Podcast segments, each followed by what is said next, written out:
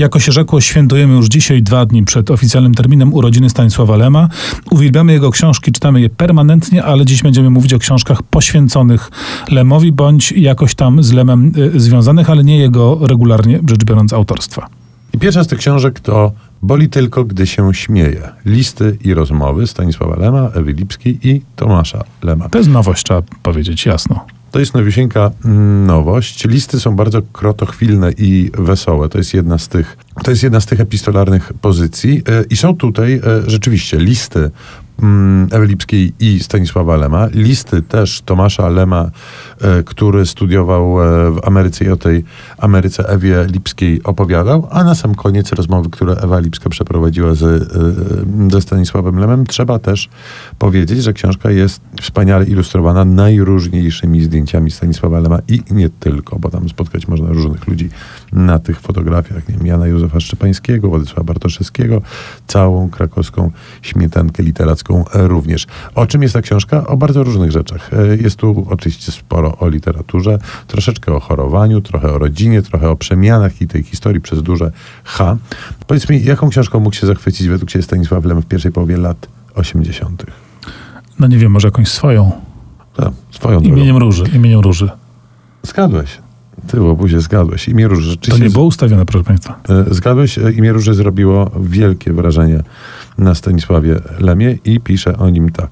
Jest to teologiczno-filozoficzno-dydaktyczno-teodyktyczno-homoseksualistyczno-eschatologiczno-pyroforyczno, bo tam się pali jak cholera, sensacyjny kryminał. 660 stronic i odczuwam szczerą zawiść do tego łotra.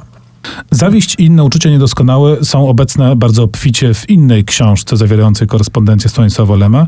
Trzymam grubaśny, wydany parę lat temu tom pod tytułem Stanisław Lem, Sława i Fortuna, listy do Michaela Kandla 1972-1987. To jest książka zupełnie innego kalibru. Bez ilustracji, gruba, gęsta i podejmująca bardzo poważne literackie tematy. Tak, y, historia relacji y, Lema z Kandlem jest dość specyficzna, bo y, po prostu pewnego dnia niejaki Michael Kandel napisał do wielkiego pisarza z Polski, będąc Amerykaninem, ale slawistą znającym Polski, napisał list i tak nawiązała się korespondencja i znajomość i współpraca. Kandel bowiem stał się, powiedzmy, takim najważniejszym, naczelnym tłumaczem Lema na angielski, który dotąd tłumaczony był no, w własnym i nie tylko własnym poczuciu niedoskonale. To przekłada się na korespondencję bardzo ciekawą, bo o ile w innych e, listach Lem często pisze właśnie o sprawach praktycznych, codziennych i takich życiowych, to tutaj jednak króluje literatura. Dyskusja o tym, co jest w tych książkach, jaka jest ich treść, e, jak, jak sobie radzić, jak rozumieć różnego rodzaju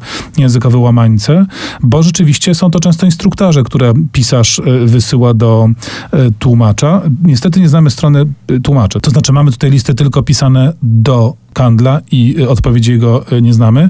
Y, dość dramatyczny jest koniec. Pamiętasz, jak się skończyła ta relacja i korespondencja? Tak, panowie zerwali znajomość. Zerwali znajomość to z przyczyn ściśle literackich. Michael Kandel wysłał fragmenty początkowe swojej powieści, którą napisał i Stanisław Lem z właściwym sobie brakiem delikatności przeanalizował i zmiażdżył tę powieść i to rzeczywiście położyło się cieniem na wzajemnej relacji. Tym niemniej mamy duży, gruby i bardzo pouczający tom o literaturze o tłumaczeniu, o pisaniu i o lemie.